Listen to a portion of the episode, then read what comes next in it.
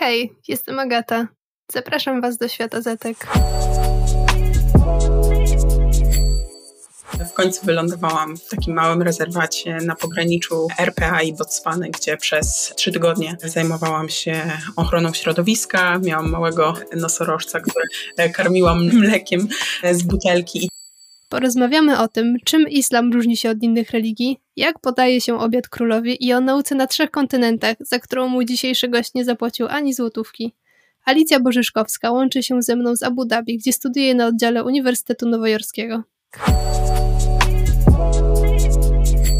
Alu, powiedz mi proszę na początek, jakimi zajmkami się posługujesz? Ona, na jej. To tak samo jak ja. A powiedz proszę, jak się dzisiaj czujesz? E, czuję się bardzo dobrze, chociaż nie ukrywam, że jest we mnie dużo niepokoju, moje myśli zaprząta kryzys, konflikt na Ukrainie, to co się dzieje. Jestem myślami e, z moimi przyjaciółmi i, i znajomymi, którzy są tam na miejscu i trudno troszeczkę skupić się na rzeczywistości, będąc tak daleko e, od domu, ale czuję się, czuję się w miarę okej. Okay. I jak sobie radzisz z tymi emocjami, z konfliktem? Uprawiam bardzo dużo sportów, rozmawiam ze znajomymi tutaj na miejscu. Akurat jestem w takim komfortowym czasie tuż po sesji, więc mam chwilę na to, żeby odetchnąć.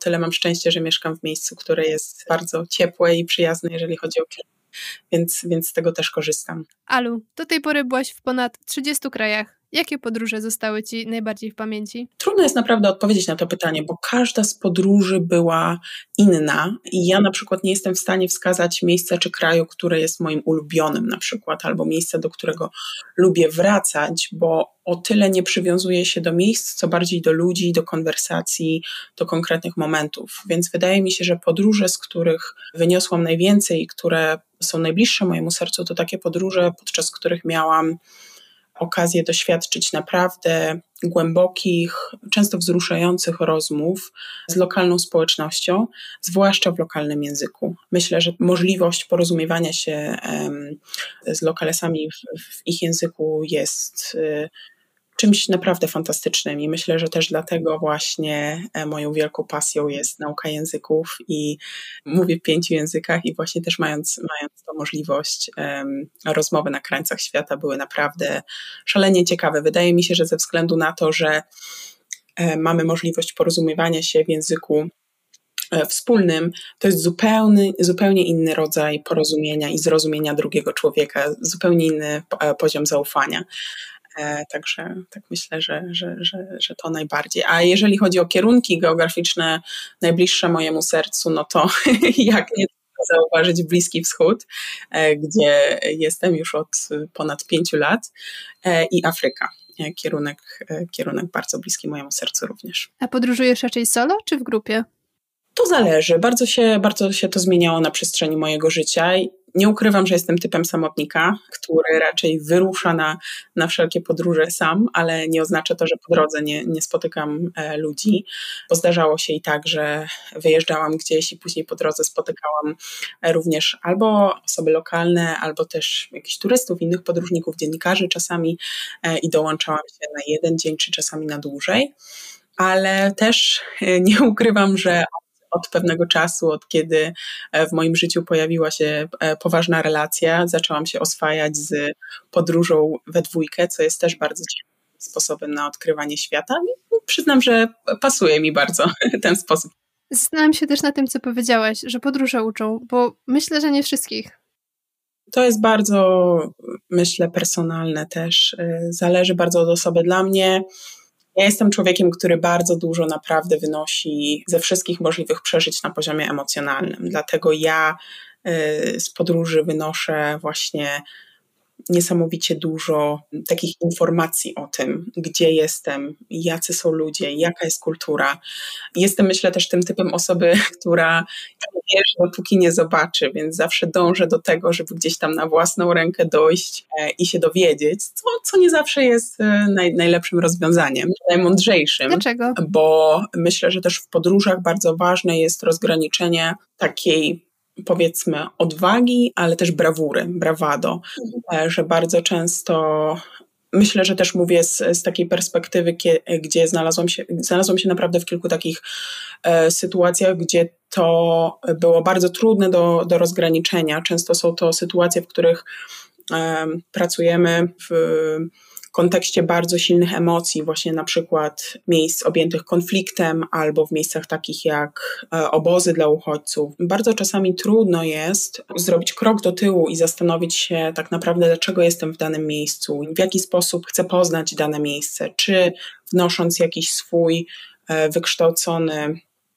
obraz i jakieś swoje pojęcie, wcześniejszą powiedzmy wiedzę na dany temat, czy z, takiej zwane, z tak zwanej perspektywy bottom-up, czyli ucząc się od miejsca i od ludzi, dopiero później konfrontując to z, z jakimiś swoimi wcześniejszymi e, poglądami. Mieszkanie e, i w ogóle życie e, na Bliskim Wschodzie bardzo, bardzo mi, mi dużo na ten temat powiedziało. Natomiast naprawdę w swoim życiu miałam dużo takich sytuacji, w których brawura, a, a odwaga naprawdę często szły krok w krok i dużo pokory, dużo pokory, um, którą też wykształciłam, myślę, ze względu na, na podróże, wymagało to, żeby rozgraniczyć i pójść we, we właściwym kierunku. Myślę, że tutaj warto też podkreślić, że duża część Twoich podróży jest związana z wolontariatem i pomaganiem innym. Prawda. E, I tak było chyba od zawsze. Myślę, e, że ten wolontariat i podróże w moim przypadku e, to, to zawsze był synonim Pamiętasz taką pierwszą swoją podróż? Mhm, tak, zdecydowanie pamiętam.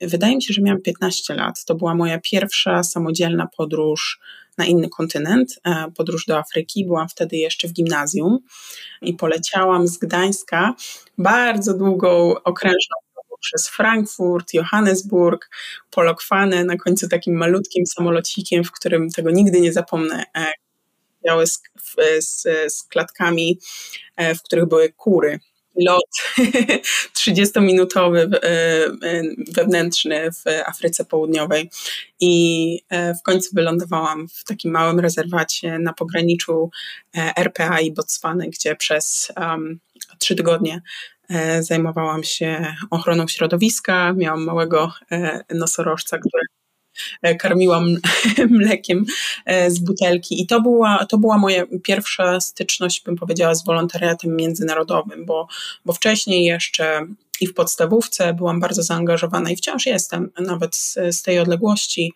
e, w wolontariat lokalny w, w Gdańsku, w Trójmieście, w Polsce.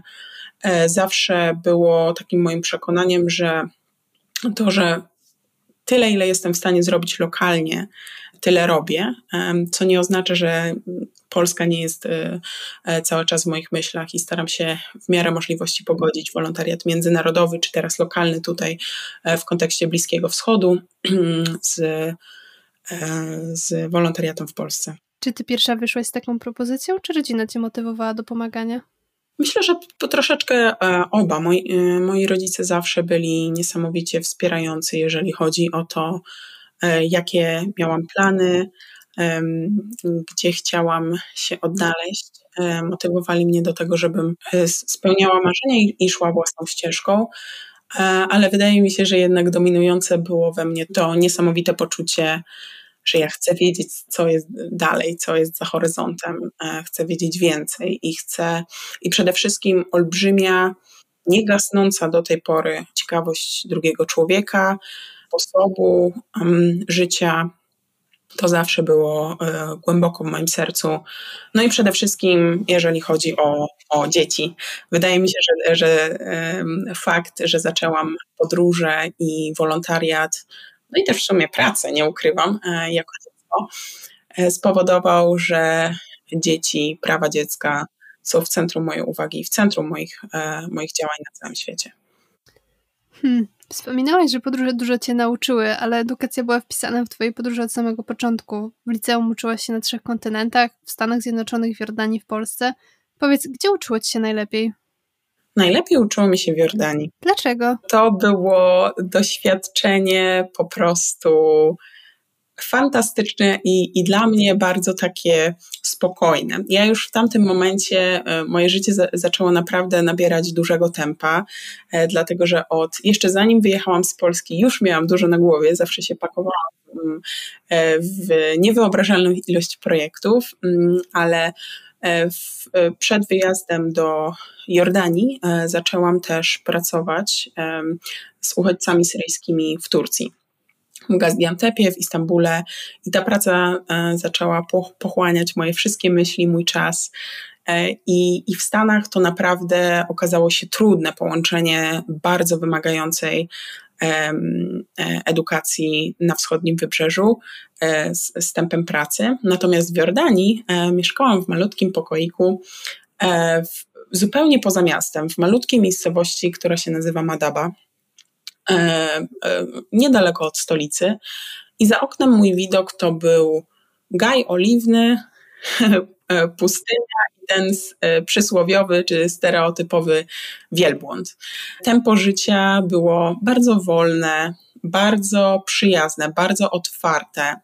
Wydaje mi się, że ja byłam tam najszczęśli najszczęśliwsza też dlatego, że tam tak naprawdę moja nauka języka arabskiego zaczęła nabierać tempa i to był pierwszy taki moment, kiedy mogłam już nawiązać naprawdę takie spokojne rozmowy po arabsku z moimi rówieśnikami.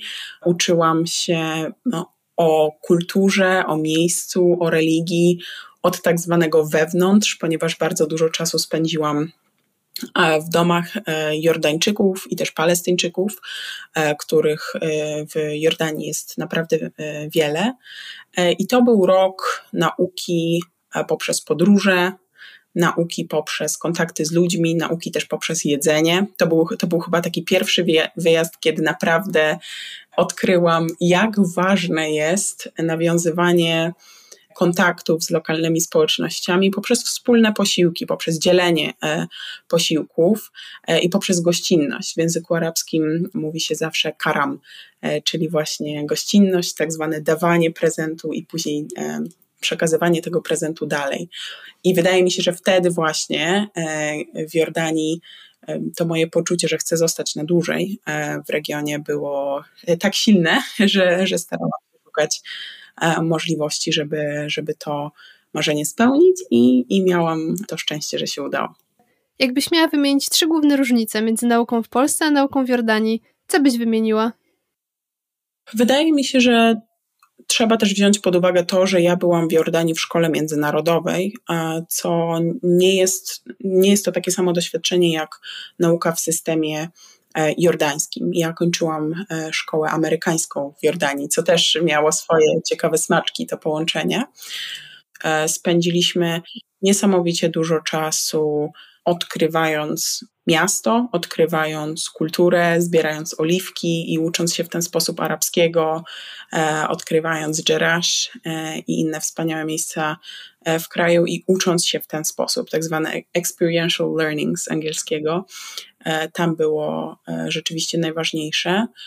Olbrzymi nacisk na e, naukę języka, czyli właśnie na nawiązywanie mm, znajomości i więzi z rówieśnikami poprzez ich język, a, nie poprzez mój, co było dla mnie presją i wyzwaniem niełatwym, naprawdę niełatwym, ale niesamowicie satysfakcjonującym, koniec końców. I myślę, że też e, rytm roku szkolnego, który był w pewien sposób, w pewien znaczny sposób uwarunkowany przez obserwacje religijne, przez Ramadan, przez Eid, przez różnego rodzaju e, święta, których e, ja byłam nagle częścią i były one wpisane w mój kalendarz roku szkolnego. To myślę, że, że są takie różnice, które też w pewien sposób obserwowałam w Stanach Zjednoczonych charakterystyczne dla e, życia w międzynarodowej szkole e, w konkretnym miejscu geograficznym. Byłam chyba, nie chcę skłamać, ale byłam chyba jedyną osobą, e, z, jedyną uczennicą z Europy wtedy w mojej szkole w Akademii Królewskiej, więc to też było, też było ciekawe doświadczenie, bo żeby zdobyć troszeczkę zaufanie w kręgach rówieśniczych i, i gdzieś tam się wbić powiedzmy w rozmowy, nie należało to do najłatwiejszych. Akademia Królewska była królewska nie bez powodu. Miałaś okazję poznać tam króla Jordanii. Tak, było to e, naprawdę wyjątkowe. E, mieliśmy okazję się poznać. To nawet teraz tak surrealistycznie brzmi.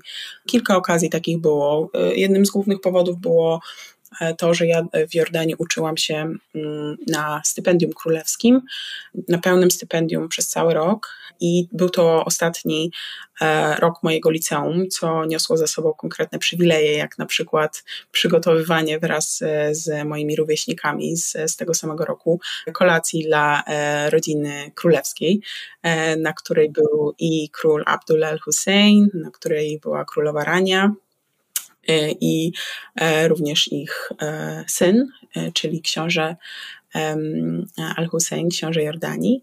E, I tego też właśnie nigdy nie zapomnę, jak niosłam ten talerz. To próby mieliśmy do tej kolacji chyba przez trzy tygodnie e, i pamiętam, że właśnie serwowałam koftę, tabulek i humus i niosłam e, ten talerz, byłam na obcasach i tylko tak myślałam w głowie, tylko się nie przewróć, tylko się nie przewróć.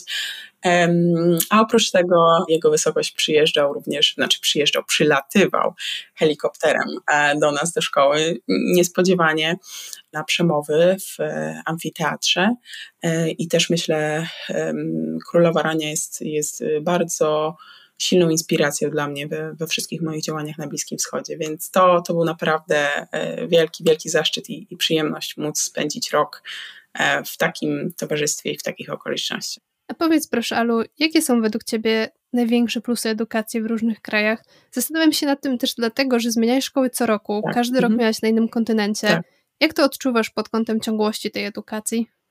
Hmm. Ciekawe bardzo, że poruszasz, e, e, użyłaś słowa ciągłości i tutaj w moim przypadku e, z, z tą ciągłością było trudno, dlatego że pierwszy rok mojego liceum był w, w trzecim liceum ogólnokształcącym w Gdańsku, w Topolówce, którą bardzo pozdrawiam. To był system IB. Drugi rok... Matury międzynarodowej, dodajmy. Tak, matury międzynarodowej. Drugi rok był w Stanach Zjednoczonych w systemie amerykańskim, a trzeci rok był w systemie amerykańskim łączonym z arabskim, bo zdawałam też e, egzaminy po arabsku. Więc tą ciągłością było naprawdę trudno i nie ukrywam tobie, że e, przed tobą, że jak składałam e, aplikację na studia, to sporo musiałam się potłumaczyć, jeśli chodzi o to, co ja właściwie robię i o co mi chodzi, dlaczego ja nie mogę usiedzieć w jednym miejscu. Zawsze dostawałam pytania, czy moi rodzice są dyplomatami, czy, A są? czy to nie ze względu na ich... A są? Nie, moje, moje rodzice, moja cała rodzina um, od zawsze e, mieszka w Gdańsku e, i ja się tak zaczęłam po prostu tułać z jednego miejsca na drugie na pełnych stypendiach zawsze. Nie wydałam pod tym względem ani złotówki na moją edukację wyższą. To imponujące. Tak, i, i, też, i też olbrzymie, olbrzymie szczęście w tym, bo, bo, bo nie, jest, nie jest to łatwe.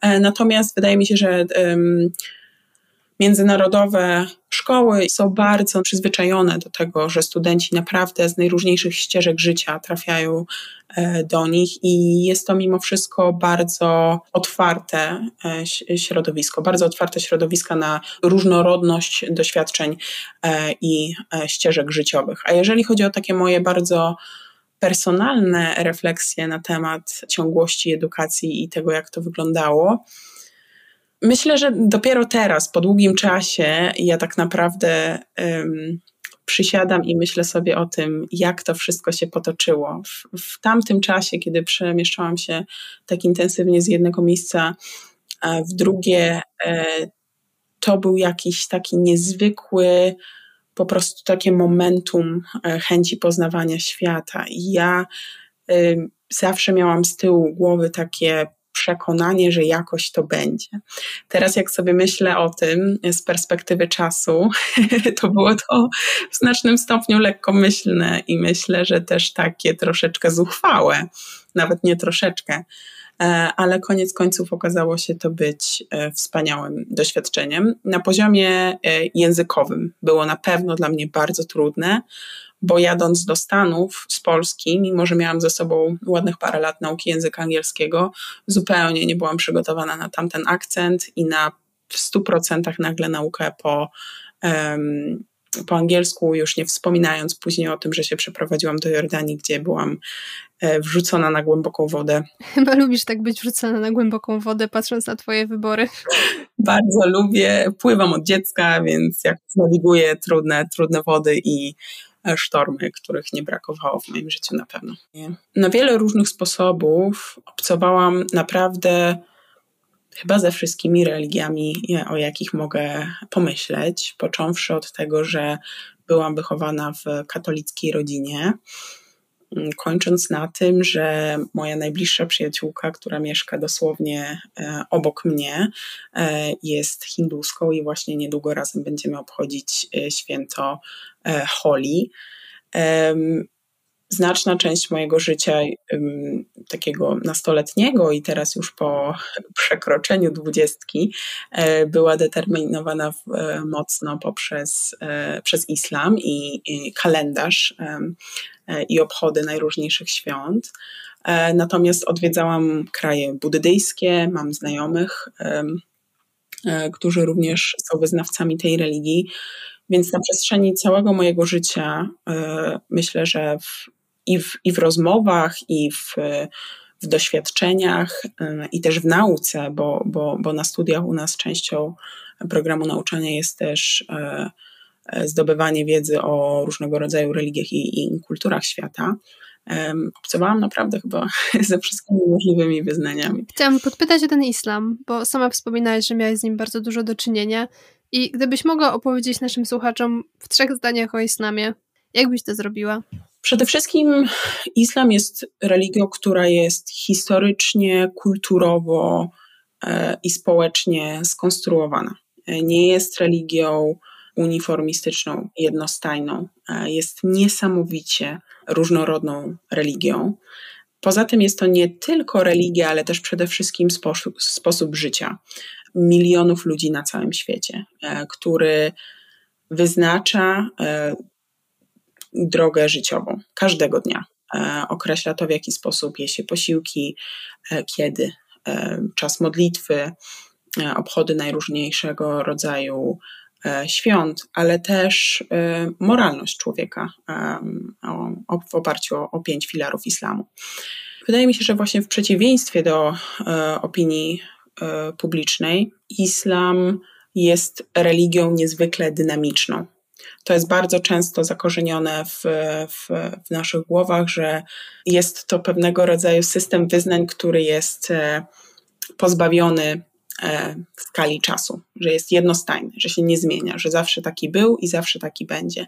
Natomiast jest to religia, która zmienia się i ewaluuje w tak e, zawrotnym tempie, że czasami naprawdę trudno jest za tym nadążać. Więc ja do wszelkiego rodzaju nauki w oparciu o religię podchodzę zawsze z olbrzymią e, pokorą, e, spokojem i przede wszystkim zostawiam za drzwiami cały mój system wyobrażeń dotyczący tego, jak dana religia powinna wyglądać, albo jak zostało mi to do tej pory e, przekazane, i przede wszystkim wszelkie rozterki czy wszelkie pytania kieruję do lokalnych społeczności, dla których ta religia jest po prostu ścieżką życia. Ci się żyło i zresztą dalej żyje w krajach, w których islam jest religią dominującą? Czy zauważysz jakieś konsekwencje tego w codziennym życiu? Tak, pod tym względem, że jest to, jest to religia, która w pewien sposób kształtuje to, w jaki sposób, w jaki sposób się zachowuje, w jaki sposób moja świadomość e, danego miejsca, społeczeństwa jest uwarunkowana e, poprzez religię na pewno. Trzeba e, zaznaczyć to, że jako biała kobieta przyjeżdżająca z Europy, moje doświadczenie religii i życia w kraju arabskim jest zupełnie inne niż doświadczenie Emiratek czy chociażby innych kobiet, które nawet nie są muzułmankami, ale żyją tutaj. E, I tu właśnie wracam do tej różnorodności, że to nie jest jednostajne, że to nie jest takie samo dla wszystkich. I to też moje doświadczenie religii, tej konkretnej religii islamu, bardzo różniło się w Jordanii e, na przykład i w Emiratach, bo inna była kultura, inne były uwarunkowania kulturowe tej religii e, i jej obserwowanie, inne były zwyczaje, inne była, były tradycje. E, inny był język mimo wszystko, bo to z islamem jest pod tym względem troszeczkę jak z, e, jak z, z arabskim, że jest to mimo wszystko ten sam język, ten sam e, system chociażby znaków, ale dialekty są inne. To jest takie porównanie, które, które myślę jest w miarę trafne. E, więc e, tak, na co dzień jak najbardziej w moich rozmowach z moimi przyjaciółkami tutaj na kampusie, które są Emiratkami, część z nich e, pochodzi nawet z tutaj rodziny królewskiej w Emiratach, są w znacznym stopniu wyznaczone i uwarunkowane religią, ale ja nie czuję żadnej presji, jeżeli mogę to tak ująć, ze strony religii żadnych większych ograniczeń. Czuję się naprawdę swobodnie e, tutaj w Emiratach. Masz swoje ulubione święta religijne? Staram się po prostu um, uczestniczyć w, w świętach, w doświadczeniach, które są ważne dla moich znajomych i które są ważne dla społeczeństwa, którego mam zaszczyt i możliwość w danym momencie być częścią. Więc od wielu lat, mimo że nie śledzę bardzo dokładnie wszystkich, e, powiedzmy, e, zasad, obserwuję Ramadan. Też dlatego, że troszeczkę w, w inny sposób się nie da, bo powiedzmy sklepy czy, e, czy różnego rodzaju przestrzenie publiczne są zamknięte w konkretnych godzinach, albo wiem, że w czasie ramadanu nie mogę wyjść na ulicę z butelką wody.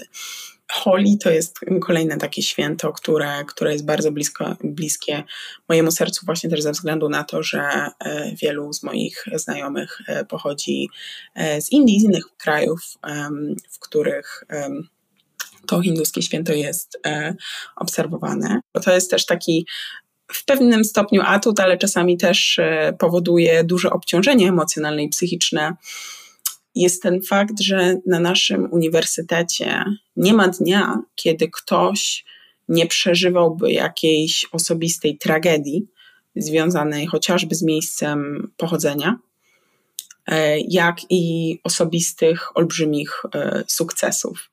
E, I tak jest, wiadomo, na całym świecie, w każdym, w każdym mieście i miejscu, ale ponieważ jest to, to tak małe środowisko, w którym każdy każdego z nas imienia e, wie, co dana osoba studiuje, w którym budynku na naszym kampusie mieszka, w pewnym sensie e, to te więzi społeczeństwa, tego, tego tego uniwersytetu, tych studentów są takie silne, że bardzo dużo samoświadomości musi być wykorzystane na to, żeby nie przenieść tych wszystkich ciężarów, problemów na siebie, chociaż w pewnym stopniu nie da się tego e, uniknąć. Chciałam Cię jeszcze zapytać, Alu, czy Ty dzisiaj jesteś osobą wierzącą? Nie. E, dzisiaj na ten moment e, nie.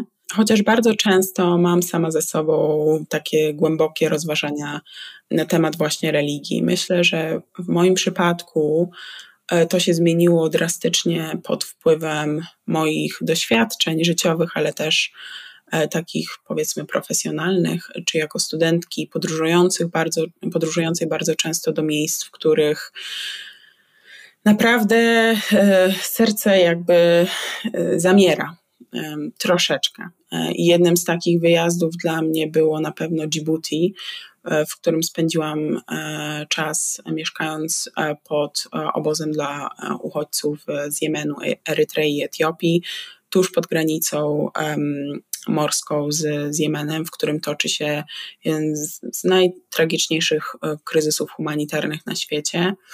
I mieszkając tam widząc, doświadczając, rozmawiając. To, było jed, to był jeden z takich etapów w moim życiu, kiedy naprawdę e, bardzo, bardzo dużo we mnie w środku było milczenia i bardzo mało odpowiedzi na, na wiele pytań, które cisnęły się na moje usta. I myślę, że to był też taki moment, w którym e, zaczęłam troszeczkę powoli odchodzić od takiej mojej osobistej relacji e, z religią, e, co nie oznacza, że, że, że to się nigdy nie zmieni. Myślę, że pod tym względem jestem też, ta moja ciekawość i otwartość tutaj też e, zobowiązuje. Powiedz mi, Alu, biorąc pod uwagę Twoje doświadczenia i Twoich znajomych z całego świata, jak powinny według Ciebie wyglądać lekcje religii? Pytam o to dlatego, że z mojej perspektywy dużo uprzedzeń wobec osób o innych poglądach, innych wyznaniach tworzy się już na najwcześniejszych etapach edukacji. Bardzo dobre pytanie. Ja taką dyskusję nawet z samą sobą bardzo często zaczynam w ogóle od pytania, czy, nie jak. To znaczy, jest we mnie takie bardzo głębokie przekonanie, że wszelkie wartości e, i wiedza o tych wartościach, tak jak wiedza o religii, powinna być przede wszystkim kształtowana w domu i w rodzinach.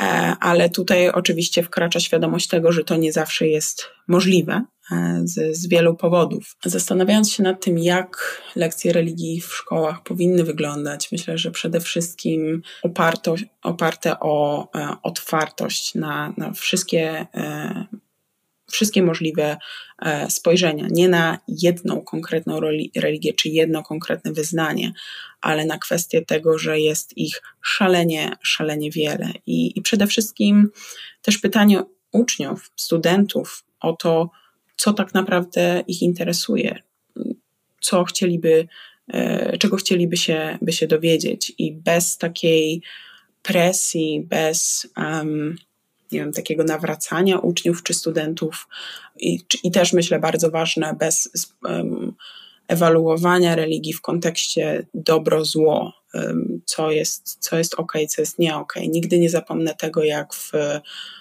w podstawówce i nawet i w, i w gimnazjum, kiedy ja uczęszczałam na, na lekcje religii, zawsze była jedna czy dwie osoby w, w klasie, które e, na te lekcje nie uczęszczały i zawsze musiała mieć zwolnienia czy usprawiedliwienia, e, co na pewno wiązało się z takim poczuciem e, bycia innym, bycia być może gorszym w jakimś stopniu.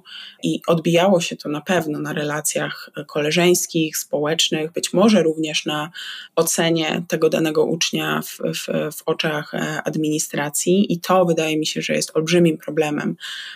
Taki brak otwartości na to, że ktoś może mieć e, inny pogląd na to, jak jego e, wiara, jak jego religijność e, wygląda. Zgadzam się bardzo z tym, co mówisz. Ja żałuję, że o innych religiach zaczęłam uczyć się tak późno, że tak naprawdę dopiero jak poszłam na studia i w ramach jednego z projektów przyjechała do mnie dziewczyna z Malezji, wyznająca inną religię niż ja, wyznawała islam. I wtedy dużo stereotypów w mojej głowie zostało obalonych, a części nawet nie wiedziałam, że je mam, że to są stereotypy. Miałam na pewno za to bardzo mocno wtłoczone do głowy przekonanie, że w religii jest jasny podział na tych dobrych i na tych złych, że jest to świat bardzo czarno-biały, w którym nie ma właściwie do końca miejsca na żadną szarą strefę. Na pewno bez kontaktu z naturą. To w stu procentach. Jestem osobą, która uwielbia spędza, spędzać czas na dworze, e, w zieleni, e, najchętniej blisko jakiegoś zbiornika wodnego, morza. To, to jest chyba oprócz takich dobrych polskich jabłek i kiszonej kapusty, lasy oliwskie i natura Trójmiasta, Gdańska, z którego pochodzę, jest czymś, za czym naprawdę tęsknię najbardziej tutaj. E, I zupełnie nie wyobrażam sobie życia bez kontaktu z naturą codziennego. I tu mówię nie tylko o krajobrazach, ale też o zwierzętach, o porach roku, um, takiego rytmu natury, um, lokalnych produktów spożywczych. No a drugą taką rzeczą na pewno jest kontakt z drugim człowiekiem e, w czasie rzeczywistym, e, w żargonie pandemicznym, stacjonarny kontakt i rozmowy rozmowy twarzą w twarz, miarę możliwości jak najczęściej. To ciekawe, co mówisz o naturze i przyrodzie, bo Abu Dhabi kojarzyło mi się raczej z pustyniami i wieżowcami i brakiem takiej zielonej przyrody. Tak, tak, tak jest w znacznym stopniu, ale um, ta moja miłość do natury też spowodowała, że wyznaczyłam sobie takie wyzwanie, żeby tą naturę tutaj naprawdę znaleźć i docenić być może za jej właśnie tą różnorodność, e, bo to nie jest tak, że natury tutaj w Emiratach nie ma, po prostu jest ona inna niż ta, do której byłam do tej pory przyzwyczajona, więc znowu zaaplikowałam moją otwartość e, i odkryłam, że w ogóle Emiraty są niesamowicie pod tym względem różnorodnym krajem, są malutkim krajem, które mają ledwo 5, 50 e, lat w ogóle istnienia, a są w nich i pustynie, E, tuż pod granicą z Arabią Saudyjską, gdzie też niedawno byłam, kaniony, e, rzeki, góry, e, wody, rafy koralowe. I oazy. Może nie w samej stolicy, ale, ale troszeczkę kawałek dalej też są. E, I wieżowce, i miasta, e, i dzielnice e, przemysłowe, więc jest tego naprawdę dużo. To, co do tej pory troszeczkę mnie powstrzymywało od odkrywania tych różnorodności, jest fakt tego, że nie mam prawa jazdy, bo nigdy nie, nie było mnie w Polsce na wystarczająco długo żeby to prawo jazdy zdobyć, a tutaj mimo wszystko e, jednak jest się bardzo zależnym od, od, od samochodów, bo komunikacja miejska, mimo tego, że jest, nie jest tak bardzo e, intuicyjna, ale staram się teraz właśnie, e, korzystając z przerwy po, po sesji, zwiedzać troszeczkę i właśnie jutro wybieram się do Emiratu, który się nazywa Ras Al. Są tam wspaniałe oazy i też E, miejsca do wspinaczki e, na skałkach, więc to jest mój plan na jutrzejszy dzień. A nie myślałaś o zdawaniu prawa jazdy za granicą? Chciałam, chciałam to prawo jazdy tutaj zdawać, ale jest to niestety bardzo, bardzo kosztowne. Też przetłumaczenie prawa jazdy z Polski tutaj um, do Emiratów swoje kosztuje, więc wydaje mi się, że bezpieczniej jest e, zdać prawo jazdy w Polsce. Zobaczę, zobaczę. Póki co jestem bardzo blisko w kontakcie ze wszystkimi możliwymi znajomymi, którzy posiadają kampusy, e, posiadają samochody tutaj na kampusie E, i, e, i jestem i szczęściaro pod tym względem, że, że mogę się zawsze na jakąś wycieczkę e, no, załapać. Powiem Ci, że ja zdałam prawo jazdy, ale kierowcą jestem niedzielnym, unikam wsiadania do samochodu i też staram się mieć szeroką siatkę znajomych, którzy mają samochody i prawo jazdy w mieście. Ostatnie pytanie na dzisiaj, Alu. Jak wyobrażasz sobie przyszłość swoją i swojej rodziny za 10-20 lat? Przygotowuję się, myślę, że na, na dużo podróży, to na pewno. E, będę w dalszym ciągu e, kontynuowała moją ścieżkę i e, pracę, aktywizm w, w prawach człowieka i przede wszystkim w prawach dziecka. Rozważam bardzo, bardzo głęboko i myślę, że jest to na ten moment taka najbardziej realistyczna ścieżka dla mnie prawo e, i, i tuż po zakończeniu tutaj studiów w Emiratach rozpoczęcie e, szkoły prawniczej. E, I zobaczymy, zobaczymy. Na pewno, na pewno te plany zmieniają się, się bardzo dynamicznie. Mój brat studiuje teraz, jest na doktoracie w Szwajcarii, więc jest drugą osobą rodziny, która się e, już z Gdańskiem pożegnała, przynajmniej na jakiś czas.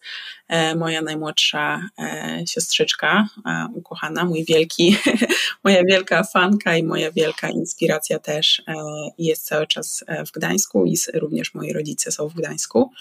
Więc myślę, że będzie to pewnego rodzaju mikstura podróży po świecie i, i zawsze powrotów e, prędzej czy, e, czy później do Polski. Chciałabym zostać jak najdłużej na Bliskim Wschodzie, ale myślę też, że na ten moment jest czas na taką przerwę troszeczkę od, od tego regionu, żeby właśnie rozpocząć prawo. I myślę, że będzie to albo w Stanach Zjednoczonych gdzieś, miejmy nadzieję, lub w Europie. Dziękuję Alu za rozmowę i dziękuję naszym słuchaczom, że zostali z nami do końca. Mam nadzieję, że Ala zaraziła Was swoją pasją do podróży i rozmów z ludźmi i do usłyszenia następnym razem. Dziękuję serdecznie, Agato.